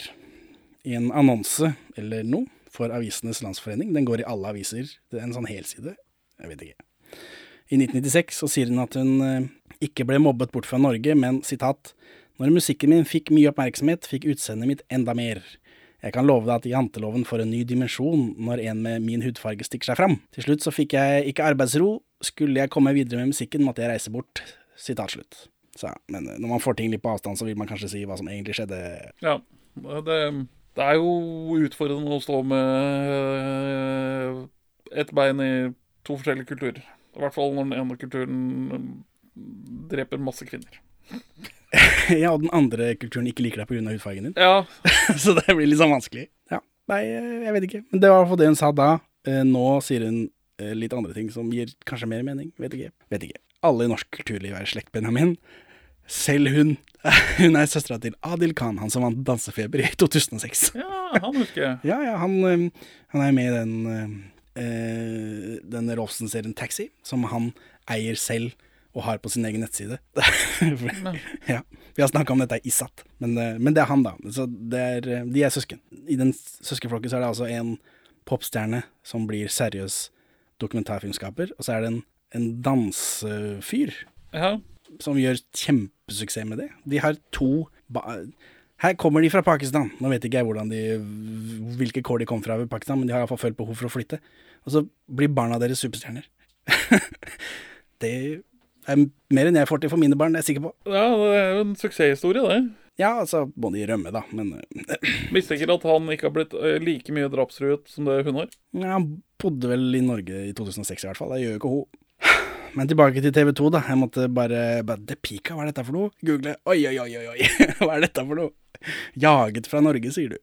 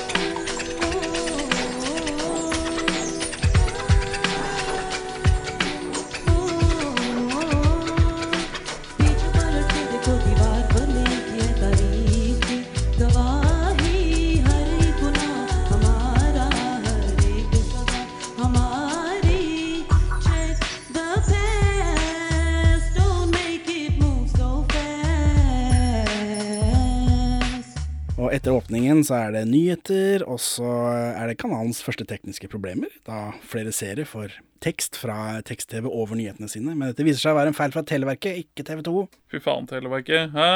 Vet barn hva tekst-TV er? Tror du? Vet dine barn hva tekst-TV er? Du, du Nei, har jo- mine barn veit ikke hva tekst-TV er. Nei. Har du brukt tekst-TV noen gang? Eh, Ja, men ikke i stor stil. Men jeg har søkt sommerjobb som tekst-TV-forfatter en gang. Wow. Det hørtes jo veldig fantastisk ut. Fikk ikke jobb. Ah, dårlig. Etter åpningen av TV 2 så er seertallene dårlige. Det er ikke bare å svinge en hel nasjons eh, seervaner bort fra NRK. Eh, Selv TV Norges Kasino hadde bedre seertall enn TV 2 på den tida, rett etter premieren. Det tar jo litt tid å finne formen, da. Ja, det gjør det, men øh, vil du høre noe av det som gikk på TV 2 den første tiden? Veldig gjerne. Den første ordinære sendingen var en eliteseriekamp mellom Viking og Rosenborg. Eh, tidlige innkjøpte programmer Cheers, Silk Stockings, som jeg aldri har hørt om, Nei.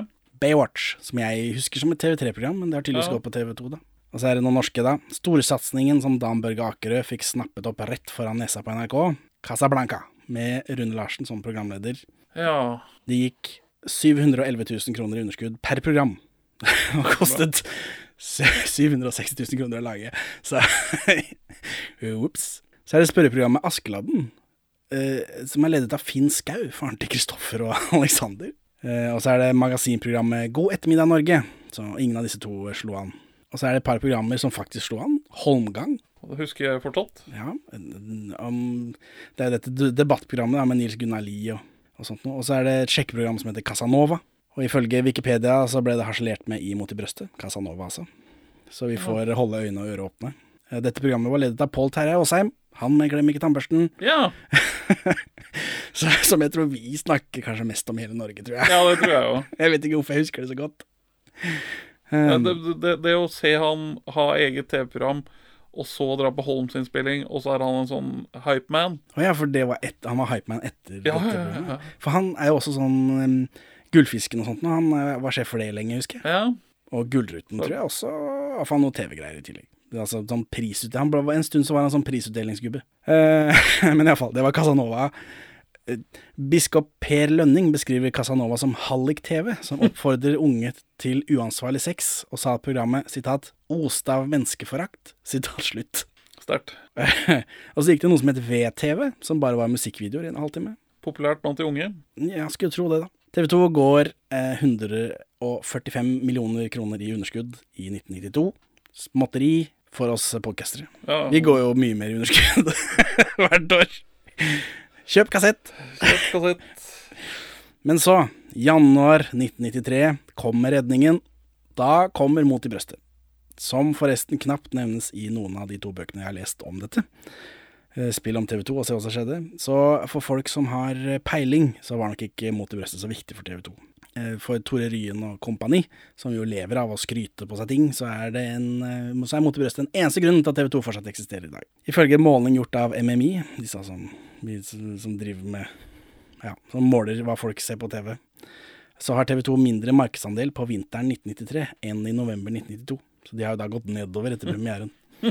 Så TV 2 gjør det faktisk dårligere etter at Mot i brøstet starter, for de starter jo da i januar 93. Så skal det sies da at uh, Mot i brøstet har stigende kurve hele tiden, og hva antall seere angår.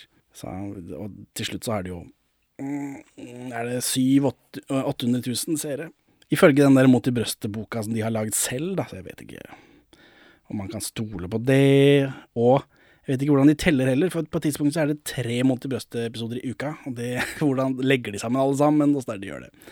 Hvem vet. De har noe markedsandel her òg. På ett punkt så er det over 50% Såpass, ja. Men i hvert fall, ikke mer Mot i brøstet nå. Det får vi ta på julaften. I mars 1993 så er cashflowen i TV 2 så dårlig at de ikke får utbetalt lønninger.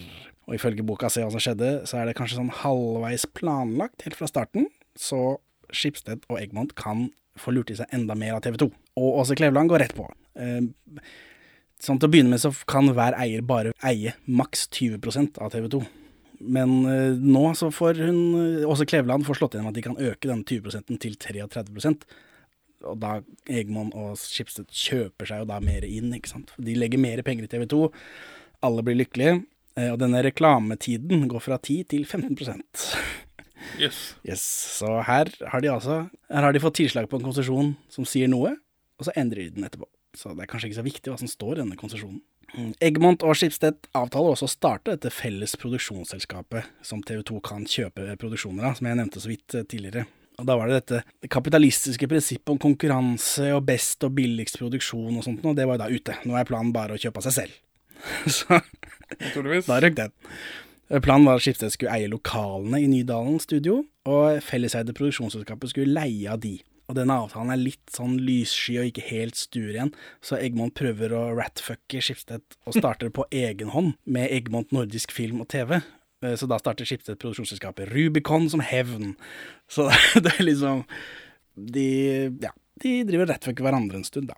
Nå går dette helt til retten, og i april 1994 har Schibsted allerede flyttet noen produksjoner til Nydalen. Nils Gunnar Lies Holmgang, blant annet. Eh, og så lyver de frem og tilbake, da, som man gjør når man saksøker hverandre, men eh, det ender med forlik og felles produksjonsselskap i Nydalen.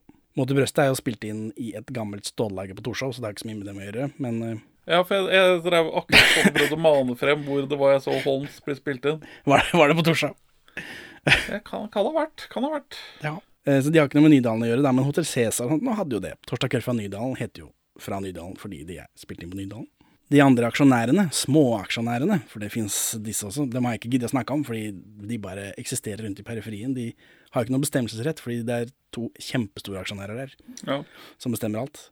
Eh, De småaksjonærene er ikke så fornøyde, da. De vil jo tjene penger, ikke bli tappet for penger til Egmont og Skipsteds fortjeneste, altså med dette studio som de skal kjøpe ting av. Nå kan jo i teorien TV 2 gå i underskudd hele tiden, og så vil Skipsted og Egmont fortsatt tjene penger, fordi det er på grunn av de dyre innkjøpene fra dem selv. Eh, altså, ja, tidlig i TV 2 så er det veldig turbulent. Det går sjefer ut og inn hele tida, eh, men det er ikke sånn superrelevant for oss. Det er bare å lese disse her bøkene. Se hva, den boka, se hva som skjedde. Den er skrevet for folk skal kunne lese den, i motsetning til den andre som bare er en oppramsing av navn og ting. Eh, Den går an å lese hvis man er veldig interessert i dette. I 1993 så går TV 2 med 140 millioner underskudd. Så de har jo da jobba seg opp fem millioner. Eh, Som, men dette er etter prognosene, da, for man starter noe, og så kommer man i underskudd. Men det er likevel eh, skuffende, sier de. Eh, Så er det enda en sjef som kommer inn, Arne A. Jensen, og han omstrukturerer hvordan de selger reklameplasser, med forskjellig pris på dag og kveld og sommertid og høysesong osv. og videre, som det virker som at det er rart at ikke de har hatt det før. Og så sier boka eh, at etter første kvartal 1994 så ligger TV 2 33 millioner foran budsjett. Da går det for første gang med overskudd. Så det tar altså fram til 1994. Så er det et par fotnoter bare. Eh, nå nærmer vi oss slutten, for de som lurer. Boka Se hva som skjedde, kaller Hans Berge for Trygve Berge. Wow. Eh, i, eh, sånn til å begynne med, og så går det et langt stykke, og så kommer Hans Berge opp igjen, og da med riktig navn, da. Men eh, Trygve Berge ser ut til å være en sånn trøndersk landsbyoriginal. Eh, isbader med, som kryogenisk vil fryse seg selv og alle han kjenner. Etter døden for å leve evig, eller noe sånt. Eh, Og han leder en sånn Vi vil ha Trond Giske Facebook-gruppe. Kjempebra. ja. Boka har rett navn på Hans Berge senere, da.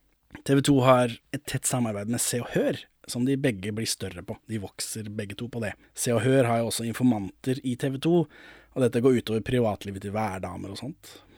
Denne boka Se hva som skjedde har også et langt utdrag fra en dansk forsker som forsker på værmeldinger, og som kømmer så mye at han fyller skoa av de norske TV 2-værdammene. Jeg orker ikke å gjengi alt sammen her, men Ja. dette værdamegreiene høres relevant ut for Mot i brøstet. For der er Jeg mener å huske at det var mye værdameprat. Siri Kalvik. Ja. TV 2 oppfordrer også profilene sine til å være med på dette Se og Hør-greiene. Og Se og Hør blir grinte på de som ikke gidder å være med på dritten deres, og skriver da, liksom, sånn, litt mer snerpete når, når det skulle være noe om noen som ikke gidder å liksom, brette ut eh, hjemme hos Fridtjof Wilborn og all den dritten der. Det kan virke å gå litt alle veier, dette med kjendisdeltakelse. Det blir en del cameos imot i brøstet etter hvert også. Så sånn er det. Det er egentlig det som er relevant for TV 2 opp til og forbi starten av Mot i brøstet. At Mot i brøstet har berget TV 2 på noen måte, tror jeg vi kan eh, sette strek over. Det er en, det er en løgn. Ja, en myte. Ja. Også kjent som en løgn. Du det. Eh, Ja, nå har jeg, ikke det, har jeg ikke noe sitat på at han har sagt det, men det er det inntrykket jeg sitter med før jeg begynte med dette. da. Ja. Jeg vet ikke om du har det samme? Jo, jo. Ja. Det føler jeg at jeg har hørt. Ja, det føles som det er denne omleggingen av hvordan ta betalt for reklameposter som virkelig gjør susen. Eh, Men så følger jo TV 2 følger jo prognosene, da, fra budsjettet, liksom. Ja. Nesten hele veien. Selv om det går opp og ned, opp og ned, opp og ned, så er det fortsatt det, fortsatt det de har planlagt for. Eh, og i disse bøkene så er det mest snakk om nyheter, egentlig. Det er liksom det viktigste for TV 2 er nyhetene. Det, det underholdningsgreiene, det kommer liksom sånn etterpå. TV 2 skal slå seg opp på å være først ute og best og mer fresht med nyheter. Ja, Bryte med det trauste NRK-regimet. Ja, og så er det mye snakk om innkjøp av serier og sånt nå, for, for i bokøyemed så blir det, da blir det mye turer med kakser. Og det, da blir det drama, og det er fint å skrive om i bøker. Så det er mye snakk om utenlandske serier og kjøp av det, da. Eh, og, og det er viktig for TV2, selvfølgelig. Man får jo ikke Baywatch på NRK. De sendte jo Dynastiet, men bare opp til et punkt. Ja, nå får de det har, liksom, de har liksom vist at eh, de er ikke så gode på det. Så, og angående innkjøp, så har jeg en liten greie. En liten bonusgreie sånn før vi avslutter i dag. Før vi tar seks dagers pause, vel, før vi begynner med Mot i brøstet på ordentlig. Eh, Olsemannen på TV2. Det er jo formgivende for oss begge, så jeg har noe greie på det. Eller, på vei til å finne dette, så er det en visning av Jønssonligaen som går på Lofthus kino i Hardanger i januar 1994. Det hadde to personer i publikum. Og Olsmannen 1-3 koster 1995 kroner på påsketilbud hos videospesialisten. Hæ? 1-3? Kosta hvor mye, sa du? Nei, 1-13 mener jeg. Herregud. Ja, ja, ja. Hele den kassa da, som jeg har ute i boden her, koster 2000 kroner da, på påsketilbud. Jesus Christ. VHS var eh, veldig Texas. Ja, men de selges brukt i Arbeiderbladet for eh, 1500 spenn, så kun spilt én gang, av Odd-Arne. Rundt samme tida, da.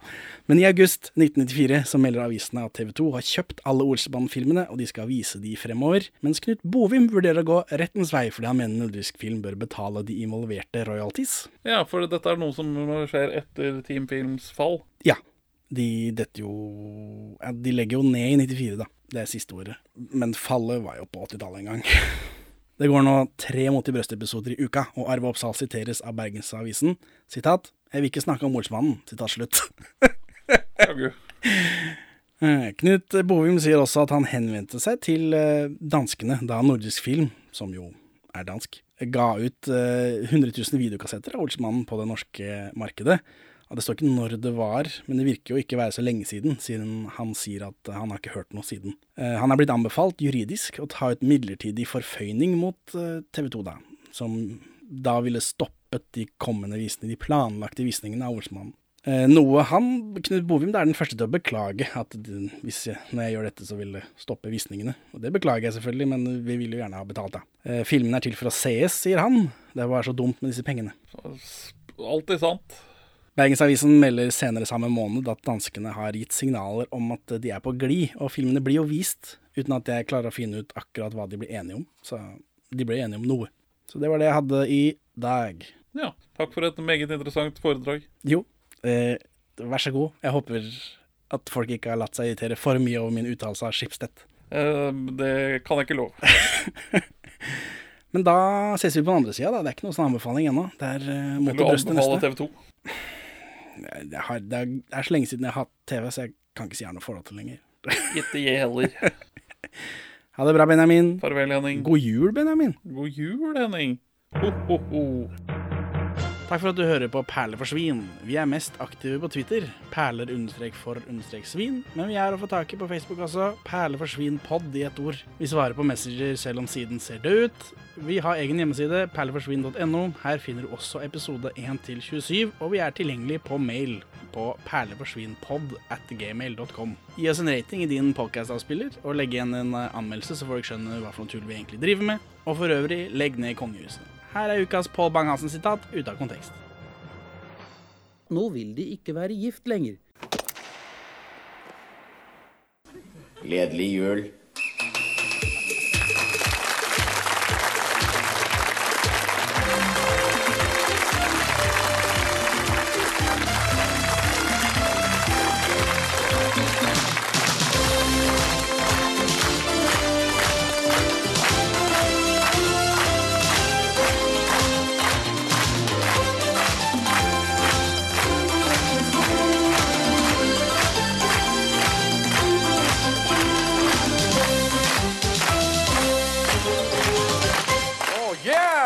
Tilbake her. Hjertelig velkommen, alle sammen. Eh, Nå som jeg har rota litt rundt i dette gamle TV 2-greiene, så må jeg si jeg savner den gamle logoen. jeg. Det med farge og sånn. Ja, den, var, den, var, den, er, den er toppen av 90-tallet. ja, alt er, nå, nå er det svart og hvitt. Alt er blitt så grått og trist. Ja. Kjemperart.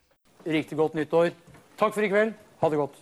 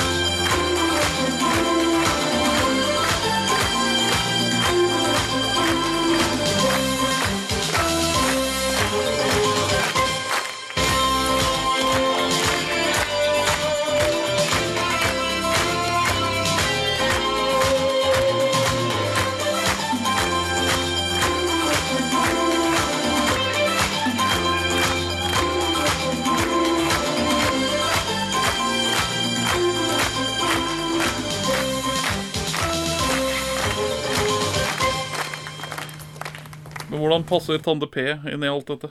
Jeg tror ikke han er med i TV 2. Nei, for han, han, satser, han satser på Han satser på TV jafs. Ja, ja. Og Baileys. Ja, og videre. ja, det er myte. Om han har agenturer på Baileys eller ikke. Åh, jeg orker ikke. Men Tande P var jo en staple i min oppvekst. Det spørs om ikke hans rise to fame var etter dette. At det var på 90-tallet Han utover. fyller vakuumet etterlatt av Krøllehockeyen til Dan Børge.